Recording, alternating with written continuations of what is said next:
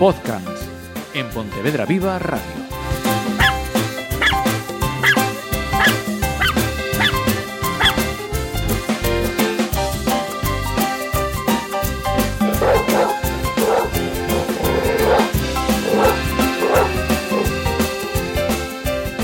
Saludos de nuevo. Eh, entramos en el cuarto programa ya de, de, podcast y yo tengo que agradecer la, la, acogida que progresivamente estamos viendo que, que van teniendo estos eh, programas, con lo cual indica Diego Álvarez, eh, bienvenido una semana más. Muy buenas.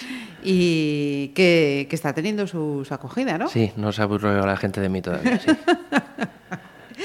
Mira, eh, vamos a entrar hoy creo que con una cuestión eh, que no es eh, solo de los perrillos, que nos afecta a todos, pero claro, lógicamente lo, lo vamos a aplicar a, a, a, las mascotas. Vamos a hablar de, del estrés. Así es, el estrés, un gran problema en la sociedad hoy en día. Mira, eh, comenzamos explicando, por ejemplo, qué, qué es el estrés, porque no sé si tiene una explicación em, genérica o igual para las personas que para los animales o cómo eh, va esto? Cuéntame. Quizás lo primero que diría es que eh, cuando hablamos de, de, estrés en el mundo canino todo el mundo se sorprende porque dicen si tiene comida, si tiene bebida, tiene una cama que, colchón, que el colchón costó más que la mía, ¿cómo va a estar estresado? Creo que lo habíamos comentado además en alguno de los otros programas. Fundamentalmente porque no los dejamos ser perros. ¿vale? Eso es lo fundamental.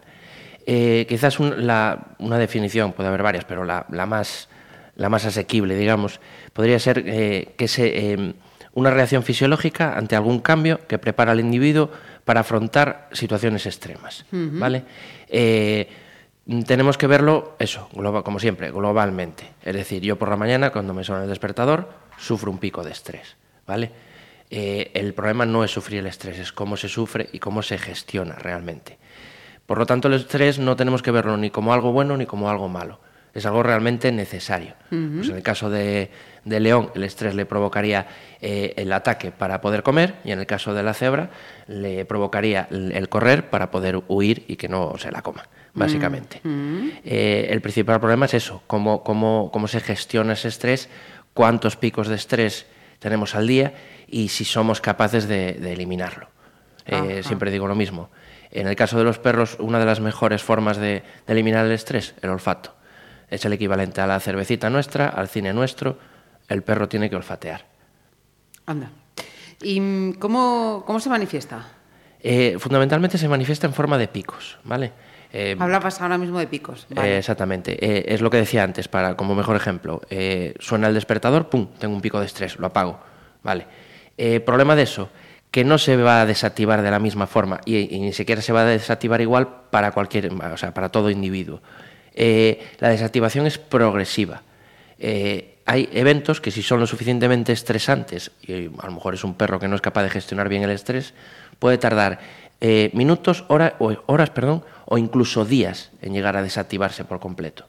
Una cosa que suelo, que suelo decir a la gente es, ¿ha tenido un evento estresante muy fuerte? Sí, estate dos, tres días sin que haya ningún estresor. A veces es complicado, pero por lo menos intentarlo. Un perro que está trabajando reactividad con otros perros. Evita perros, ¿vale?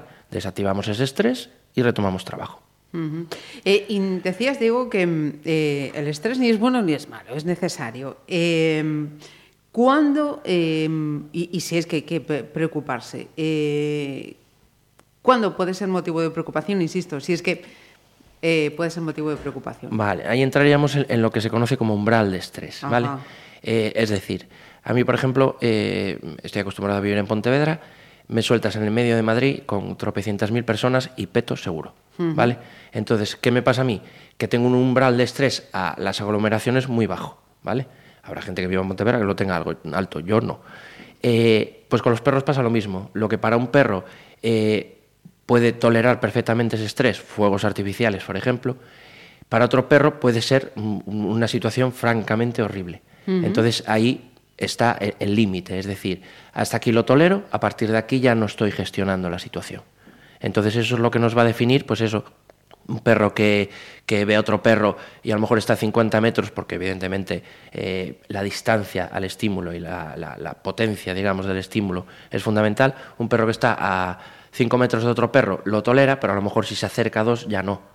¿Vale? Entonces eh, hay que ver cuál es el umbral de estrés para cada estímulo, vamos, hay que ver, no hay que hacer un estudio, se, se ve obviamente, eh, para cada perro. Y a partir de ahí empezar a, a trabajar eso. O sea que, que, para saber qué estresa a nuestro perro basta con observarlo. Eh, totalmente. Luego, luego diremos una serie de, de, de señales que Ajá, nos indican perfecto. que el perro está gestionando o no está gestionando. Ajá. Y, y, creo que incluso eh, nos, nos, vas a hablar de, de, clasificaciones o tipos de estrés. Así es. Eh, es muy importante tener en cuenta que no solo el hecho de algo malo va a provocar estrés, algo bueno también puede provocar estrés. Es decir, cuando nosotros llegamos a casa y el perro nos viene a saludar y empieza a saltar, a ladrar, a girar sobre sí mismo, está sufriendo un pico de estrés también. Uh -huh. ¿Vale? Dentro del estrés hablamos de estrés positivo o eustrés y estrés negativo o distrés. A mí, en, personalmente, en ambos casos me gusta trabajar con niveles de estrés medio bajos. Sobre todo, fundamentalmente, niveles de estrés que el perro sea capaz de gestionar. Eso es para lo más importante. Entonces, hay perros que a lo mejor al entrar en casa tienen ese saludo, se sobreexcitan demasiado, a lo mejor nos interesa que no se sobreexciten y podemos pues trabajar en ello, ignorándolo, dar algún, algún tipo de señal de calma de las que hablamos la semana pasada, eh, bueno, hace dos semanas. Uh -huh. eh, o a lo mejor el perro va a gestionar peor el hecho de que lo ignoremos. Entonces ahí entramos en lo de siempre, son individuos. Uh -huh. Pero de todas, todas, generar un, un ejemplo clarísimo. Eh, mm, un perro que gestiona fatal las salidas a la calle porque sale sobreexcitado y tenemos al dueño que cinco minutos antes de salir a la calle ya empieza, ¡ay, que vamos a la calle! ¡Ay, y el perro empieza a subir, a subir y sale a la calle ya desquiciado. Eso no es bueno, eso hay que intentar evitarlo. No sabía yo, fíjate tú, decías, será el perro ya hecho polvo, cuando sí, sí, parece sí. que sería lo, lo, contrario, ¿no? Sí, no, pero es eso, o sea, realmente eh, es, a nivel científico tiene explicación, el estrés provoca que segreguemos unas cosas y, y estamos sobrecitados, es decir, a mí me pasa lo mismo, el despertador me estresa, entre comillas, negativamente, tengo que madrugar, tengo que ir a trabajar, pero irme a un concierto me estresa positivamente, pero no deja de ser estrés. Ajá. Eh, te preguntaba yo antes eso, ¿cómo hacer? Eh, es decir, eh, ¿cómo identificamos el, el estrés? En, vale, eh, hay que, que, distinguir, podríamos hacer otra clasificación entre estrés agudo y ah, estrés... Ah, perdón, perdón, perdón, vale. pues nada, nada. Y estrés crónico. Un estrés agudo es lo que hablábamos de el despertador, por ejemplo, ¿vale? Ajá. Y un estrés crónico es que a mí me dejasen pues una semana entera en Madrid en esa aglomeración de gente. ¿vale? Por lo general, el estrés agudo lo que va a provocar es que el perro se active, ¿vale? Se ponga más eufórico, digamos. Mientras que el estrés crónico, el efecto va a ser totalmente el contrario, ¿vale? De hecho, pueden llegar a dar, ya lo explicaremos en otro momento, lo que es lo que se llama una indefensión aprendida. Una indefensión aprendida es un proceso depresivo en el que el perro lo único que quiere es morirse, ¿vale? Entonces hay que controlar, es decir, nuevamente, eh, tengo un pico de estrés, lo voy desactivando, no lo desactivo del todo, vuelvo a tener otro pico, entonces son perros que entran en un estrés crónico uh -huh. y pueden eso, dar lugar a lo que se conoce como indefensión aprendida, que es horrible y sacar a un perro de una indefensión aprendida es francamente complicado. Ajá. Eh, vamos, ahora ya entonces, ahora sí, ¿cómo, ahora ¿cómo sí. identificamos? Vale. Hay una serie de, de, de, de, signos que nos indican que, que, nuestro perro está estresado. Digo lo mismo que dije en, eh, en el anterior programa eh, con respecto a las señales de calma. No nos podemos volver locos, ¿vale? Hay situaciones en las que el perro nos va a dar eso, esos signos y no nos tiene por qué indicar que el perro esté estresado. ¿vale? Uh -huh. Recordemos que además las señales de calma eh, lo que sirven es para que el perro pueda eliminar ese estrés, con lo cual no, no nos volvamos locos. Un ejemplo eh, es eh, el jadeo, ¿vale? Cuando un perro está jadeando, claro, sí, evidentemente a mí me viene una persona es que está todo el día jadeando. Creo que no, sé, no recuerdo si lo dije la semana pasada, pero si tu perro vive en Andalucía, tu perro lo que está es transpirando. Uh -huh. ¿vale? El perro transpira por la lengua y por las almohadillas de las patas. Entonces, no tiene por qué ser un, un signo de estrés. De estrés. Uh -huh. eh, hay, hay cosas que nos pueden incluso ayudar. Por ejemplo, si el jadeo es leve o profundo forzado y la lengua eh, tiene la punta enroscada, eh, incluso a veces asociado con la sonrisa nerviosa, nos está indicando que sí puede que tenga estrés. Mientras que si es el típico jadeo, la lengua relajada, el perro está dando un paseo, simplemente puede ser que esté, eh, esté transpirando. Hay varias mm, señales de estrés. Muy importante saber que además se solapan mucho, señales de estrés y señales de calma se suelen solapar. Eh, típicas, patas sudorosas, ¿vale? Lo que hablábamos antes. A nosotros también nos pasa, si estamos estresados tendemos a transpirar más. Dado que el perro transpira por las patas, se ve fácil en, en parque, por ejemplo, van dejando huellas, ¿vale? Eh, sacudirse, ¿vale? Eso es, puede ser un indicativo de estrés. Eh, pero si el perro se acaba de mm, levantar de la cama, pues a lo mejor está sacudiendo para desperezarse. Lo mismo ocurre con, el estirarse, en la postura que hablábamos la semana pasada de patas delanteras quietas y el culo para arriba, como si fuese una, especie de reverencia. Puede ser una, eh, una señal de calma, puede estar indicando estrés, pero al mismo tiempo, si el perro nuevamente se acaba de levantar de la cama, lo que está haciendo es desperezarse, ni más ni menos. Eh, hay varias, las voy diciendo, es lo que os digo. Eh, precaución, no nos volvamos locos, no empecemos a ver que nuestro perro está estresado. Evidentemente, eh, si mi perro se sacude. El perro estresado y el dueño hipocondríaco. exactamente, exactamente. si mi perro a lo largo del día se sacude 100 veces, pues a lo mejor sí tendré un problema con, los niveles de estrés de mi perro. Pero es, es lo de siempre, hay que verlo globalmente. Eh, los perros con, estrés tienden a eliminar eh, tanto heces como, orina de forma más frecuente. Nuevamente, si tenemos un perro, por ejemplo, un macho, con una elevada conducta de marcaje, pues no tenemos que volvernos locos. El perro está marcando, ¿vale? Eh, aquí está llama mucho la atención porque, claro, se asocia mucho el estrés con nerviosismo, pues es lo que decíamos antes. Hay un estrés que si es prolongado, lo que provoca es desactivación. Entonces, perros que duermen en exceso, pueden estar en un proceso de, estrés. Ahora que si lo que tenemos es un perro que tiene 12 años, 15 años, el perro lo que está es mayorcito y lo que está es durmiendo más. ¿Vale? Eh, otra cosa importante que tiene el estrés es que eh, tiende a afectar eh, a la zona, digamos, más débil del organismo. ¿Qué quiero decir con esto? Por ejemplo, hay perros con problemas dérmicos. ¿vale? si esos perros están en elevados niveles de estrés, esos problemas dérmicos se pueden mm, eh, incrementar considerablemente. Aún es más, muchas veces se dan problemas dérmicos sin haber origen en orgánico, sino por origen en estrés. Es decir, la persona que se muerde las uñas. Pues el perro, me de morderse las uñas, se lame los flancos, se lame los genitales, eh, se, mm, mordisquean, digamos, las patas y pueden llegar a dar lugar a, heridas. Entonces ahí muchas veces pues, se tiende a dar medicación al perro medicación que evidentemente hace efecto, pero si no entramos en un, en un programa de tratamiento conductual, una vez que la medicación deje de hacer efecto, el perro va a volver a lo mismo. Entonces son, pueden ser perros que, que sin tener un problema orgánico en origen, eh, lo que tenga es un problema de estrés, que lo que va a entrar es en bucle continuamente el perro. Entonces hay que tener precaución con eso. De la misma forma, perros que beben de forma, de forma compulsiva. Lógicamente, si transpiramos más, pues el cuerpo nos pide más agua, bebemos más. Eh, si estamos en verano, pues el perro lo que está es bebiendo más cantidad porque estamos pues en verano. Exactamente. Perros con comportamientos obsesivos compulsivos, ladrar, escarbar, el, morderse la cola. Mucha gente le hace mucha gracia a los perros que se muerden la cola y en un momento dado que un perro me dé ese comportamiento, puedo no darle importancia. Pero si es un comportamiento... Reiterado. Exactamente, ahí tenemos un problema con nuestro, con nuestro perro. Eh, suelen ser perros que dan reacciones excesivas, ¿vale?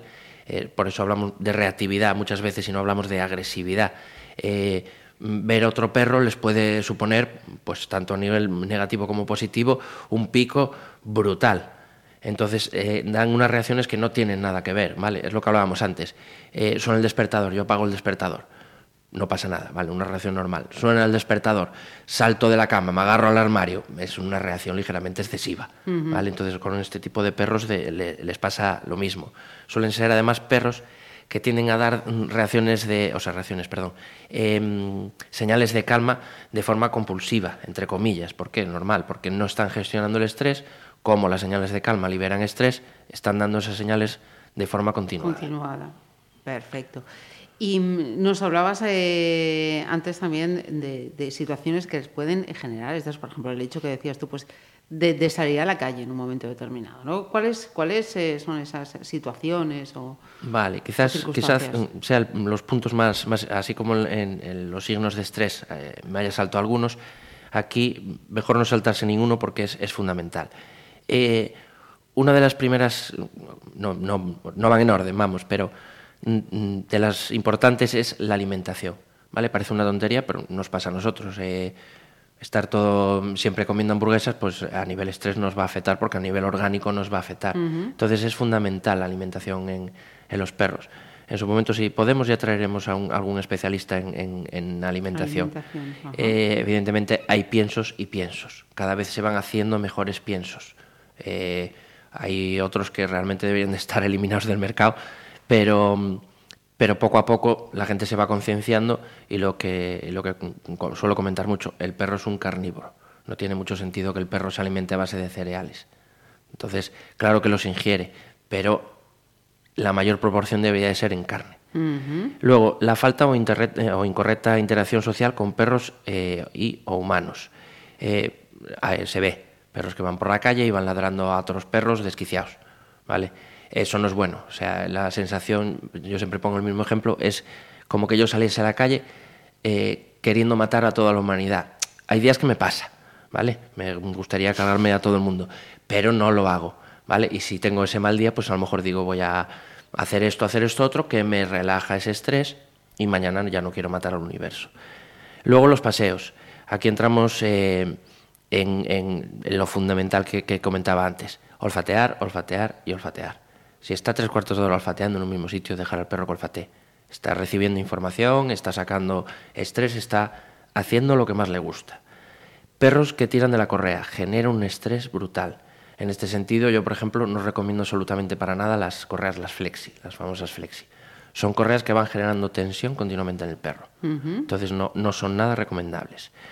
Eh, luego, evidentemente, eliminar cualquier elemento eh, aversivo para el perro, eh, collares de estrangulamiento, de descargas, eso no tiene sentido ninguno, eso ya lo habíamos comentado. Eh, falta o incluso exceso de ejercicio. ¿vale? En los perros suele ser igual de malo el exceso, que, bueno, en los perros y en cualquiera, que el defecto, ¿vale?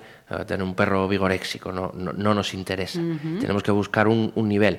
Es decir, si mm, yo mi perro lo saco tres veces al día y en toda la semana no le doy ninguna suelta Sé que lo de las vueltas es complicado porque los entornos no nos favorecen, pero bueno, hay que buscarse la vida. O mi perro se escapa, pues ponemos una correa larga, pero el perro tiene que correr, tiene que quemar ese, exceso de energía física. Y, con el exceso eh, lo mismo. Es decir, si yo tengo un perro que lo saco a pasear mm, todos los días y todos los días le hago tres kilómetros, pues en dos semanas a lo mejor me va a pedir cuatro y luego me va a pedir cinco. Entonces hay que buscar un equilibrio. Es cierto que cansar a nivel físico a un perro es, entre comillas, complicado, pero hay que buscar eso, un equilibrio. Aparte que un juego, por ejemplo, eh, bueno, eso lo comentamos después porque está dentro de los juegos excitantes. Luego, la, educación incorrecta, lo de siempre. Eh, es que sabe lo que significa bien y no viene. No, le habrás enseñado a tu perro lo que significa bien en casa, que como suelo decir, que el si a nuestro perro lo llamamos en casa y no viene, eh, tenemos un problema, ¿vale? Y probablemente muchos perros no se van de casa porque no tienen ni pulgar ni copia de las llaves, sino a lo mejor también Siria. ¿Vale? Y luego el uso de, castigo a la hora de la educación.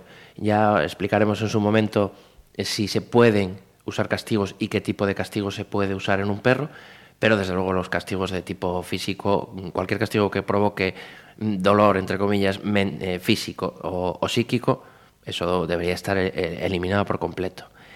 Luego, eh, los perros les pasa como nosotros, necesitamos hacer cosas mentalmente, ¿vale? No es de lo que más necesitan, hay una pirámide, la pirámide de Maswell, quiero recordar que se llama, que indica eh, los niveles de, lo que necesita un perro de cada cosa. Los perros se aburren, ¿vale? Muchos perros destrozan en casa porque se aburren, ¿vale? Hay, eh, hay juguetes, hay, hay incluso juguetes que podemos hacer caseros. Hay un cacharrillo que se llama la olfatombra, que está genial para dejar a los perros para que jueguen y busquen premios dentro, eso está genial. Con lo cual tenemos que estimularlos mentalmente, usando clicker, ¿vale? Como, como método de educación y como método de que el perro esté pensando, entre comillas, en hacer cosas. El perro piensa, ya lo habíamos dicho, no al mismo nivel que nosotros, pero piensa. Luego, esto eh, es, particular, a la gente le llama mucho la atención porque luego piensan que tienen que ir como momias por la calle, digo por casa. El exceso de movimiento por nuestra parte, ¿vale? No debemos intentar evitar movernos de forma descontrolada. El perro es cazador, ya hablaremos de los instintos, pero el perro es cazador, igual que el lobo es cazador. Eh, los movimientos bruscos, sobre todo si no están bien habituados, les pueden provocar desconcierto como poco. ¿Vale? De ahí que muchas veces eh, haya ataques de, ojo, no estoy diciendo con esto que la culpa sea del niño, pero los ataques de perros a niños, los niños se mueven mucho y se mueven muy rápido, ¿vale? Y un perro que no haya tenido una buena socialización con, con niños y esté acostumbrado a esos movimientos puede tener una mala reacción. Vuelvo a decir, no es que sea culpa del niño. Evidentemente, al perro hay que educarlo, hay que habituarlo y si no hay que desensibilizarlo. ¿Vale? Eso es fundamental. Luego, las interacciones inadecuadas. Eh, aquí, cuando lo cuento, la gente se le cae el alma a los pies. Porque a la mayoría de los perros no les gusta ni que les besen ni que los abracen. Y todo el mundo besa y abraza a sus perros. Y basta con verlo, lo explicábamos eh, en el anterior programa, con el hecho de abrazar al perro y que el perro me gire la cara. Me está dando una señal de calma. Y si insisto, me lame la cara, me está dando otra señal de calma. Vale, hay perros que lo toleran bien, hay perros que no. Pero, por norma general, no agobiemos a los perros, ¿vale? A mí me gusta interactuar con, con Bella cuando Bella me dice, vamos a interactuar. Pues venga, interactuemos. ¿Por dónde? Por la espalda. Bella siempre me va a pedir que las rasque por la espalda, ¿vale? De frente y a la cara no le gusta nada. Entonces, es lo que hablábamos antes, interpreta a tu perro. ¿Qué te está pidiendo? Lo que decíamos de, comunicación. Esto es bidireccional. No digas, pero es que a mí me gusta acariciarte más en la cabeza y a tu perro no, no le gusta. No tiene sentido ninguno. Eh, los gritos y, las discusiones, cualquier subida de, nivel en ese sentido. Les afecta. exactamente, les afecta un montón. Yo, eh, si tengo que discutir con una persona, voy a discutir en este tono que estoy usando ahora. Porque como subo un poquito el tono, bella peta. No lo tolera. ¿vale? Hay perros más sensibles, lógicamente, y perros menos sensibles. Pero por norma general, bueno, independientemente de que no deberíamos de gritarnos nunca entre nosotros, no es algo que les guste. Eh, el descanso inadecuado, ¿vale? Los perros duermen una media de 13, 16 horas al día, duermen un montón, o deberían. Eh, si tienen esa falta de, sueño, les va a afectar muchísimo. Y hay gente que me dice, joder, pero eh, es que eh, anda que no debe estar cansado porque me paso todo el día con él en la calle. Claro, ese perro no está durmiendo las horas que tiene que dormir. Deja al perro en casa, que duerma, que descanse y luego dale lo que le tienes que dar a nivel físico, a nivel mental y todo eso. Los juegos excitantes. Eh, por ejemplo, el típico juego de te lanzo la pelota, me traes la pelota, te lanzo la pelota, me traes la pelota. La pelota, entre comillas, no es un juguete para el perro, ¿vale? Es una presa que hay que cazar. Yo me imagino me pongo en la cabeza de un perro y pienso, qué frustrante tiene que ser coger la presa, te la traigo, los que la traen, que hay otros que ni la traen, te la dejo ahí y de repente la presa vuelve a estar viva y la vuelve a cazar y la vuelvo a traer. Eso genera un estrés brutal, brutal. No digo con esto que no se debe de jugar a ese tipo de juegos con perros, pero lo de siempre. ¿Cómo? Por olfato. Simplemente, yo lo hago a veces con, con, Duna, eh, yo lanzo la pelota, Duna se mantiene sentada y no va a buscar la pelota hasta que yo le doy el comando de busca. ¿Vale? Además, si usamos pelotas amarillas sobre un fondo verde, eh, no son capaces de distinguir los colores, con lo cual no le va a quedar otra que buscar por olfato. ¿Vale? Mm. Entonces, eh, ese tipo de juegos, los juegos de mordida, de morder y tirar, tampoco suelen ser muy recomendables, y menos sin estabilidad. Va a llegar un momento que el, instinto esté tan exacerbado que ahora pues poner un jabón serrano delante de la nariz al perro que no va a soltar lo que esté mordiendo. Entonces es muy importante. Y luego lo que hablábamos la semana pasada de, la comunicación. Tiene que ser bidireccional. Tenemos eh, que, escuchar lo que nos está diciendo nuestro perro. ¿vale? No, no puede ser que yo pida, pida, pida y sin embargo no dé. Es decir, te pido mimos y te los doy dándote un abrazo. Y el perro me está diciendo que no me des un abrazo que no me gusta. No tiene sentido ninguno eso. Em, ¿Qué, efectos, qué consecuencias eh, puede tener eh, eh, el hecho de, que tengamos un, perro estresado? Pues afecta a todo, a, cualquier, problema, cualquier problema conductual va a hacer que se multiplique ese problema conductual. Una de las primeras cosas que se tiene que hacer siempre en un perro cuando quieres trabajar un problema conductual o incluso una obediencia es reducir los niveles de estrés. ¿vale? Afecta, pues, por ejemplo, las famosas ansiedades por separación. perros que no saben quedarse solos en casa. Em, está súper afectado por, temas de estrés. Realmente no vas a ver el comportamiento real del perro hasta que no reduzcas el estrés, porque para el perro, a niveles de estrés no gestionados, va a ser, Dios mío de mi vida, me abandona, me quiero yo morir. Mientras que con niveles de estrés gestionados, puedes explicar al perro, no, no, tranquilo, si me voy, pero voy a volver, siempre voy a volver. Entonces afecta un montón. En, las agresividades, eh, perros que ladran de forma, de forma compulsiva, eh, el exceso de, de, actividad, perros que son desobedientes a la llamada. Eh, esto es totalmente normal. Aquí también suelo poner siempre el mismo ejemplo. Enseñar una obediencia a un perro con niveles de estrés altos es como prepararte el examen el día antes.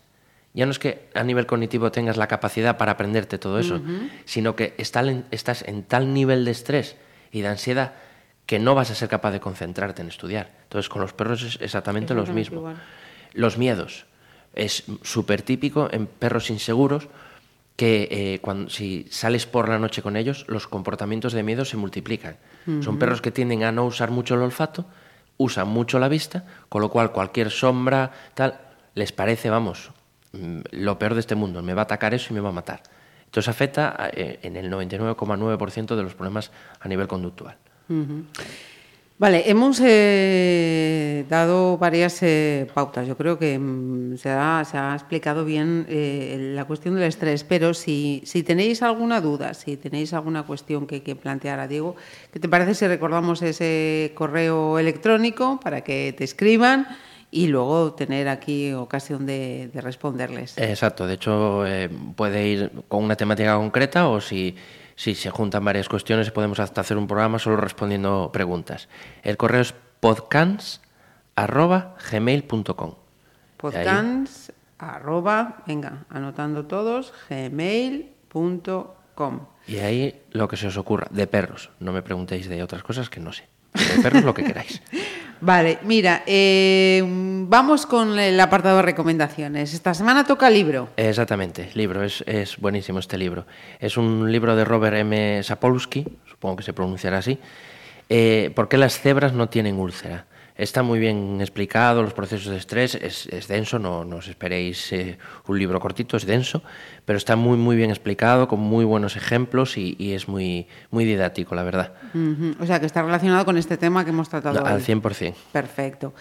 Y otra de las eh, partes eh, importantes de este programa, ¿quién nos presentas esta vez? Eh, es verdad, nuestro amigo. El perriño de hoy se llama Roger es un macho, lógicamente con ese nombre, si no sería lioso. Eh, está en, en, en, Palleiros, aquí en, en Pontevedra. Eh, está por ahora sin castrar, pero bueno, por un tema orgánico, el perro lo encontraron, el pobrecillo, hecho una un caca. Entonces, hasta que a nivel orgánico se encuentre bien, pues no se le puede someter a, cirugía, lógicamente. Eh, tiene una muy buena socialización con perros y con humanos, se lleva especialmente bien con, con niños. Tiene más o menos un, añito y urge bastante encontrar una casita de acogida. Eh, esto debería ser general para todos los perros que estén pachuchos, pero eh, desde luego pues eh, una, protectora no es el mejor sitio por los niveles de estrés, por, las enfermedades que puedan entrar y tal. El mejor sitio para recuperarse un perro que está pachuchiño como, está Roger. Entonces, es, no hace falta ni que sea adopción. Con una casa de, acogida nos conformamos. Vale, pues si alguien está interesado en ello, ya sabéis que tanto en la información que reproducimos en la web de Pontevedra Viva como en el texto de este programa de podcast eh, adjuntamos el, el, número de teléfono, teléfono de, de Palleiros para que os pongáis en contacto. Y, y, cerramos con una frase. Eh, exactamente, en este caso de, de, Marco Aurelio, que dice que el que vive en armonía con uno mismo vive en armonía con todo el universo. Si conseguimos que nuestro perro esté en armonía consigo mismo, y nos pasa también a nosotros, va a estar en armonía con el universo y, y, y se va a llevar bien con todos. Pues eh, Diego Álvarez, eh, eh, muchas gracias y hasta dentro de un par de semanitas. Perfecto.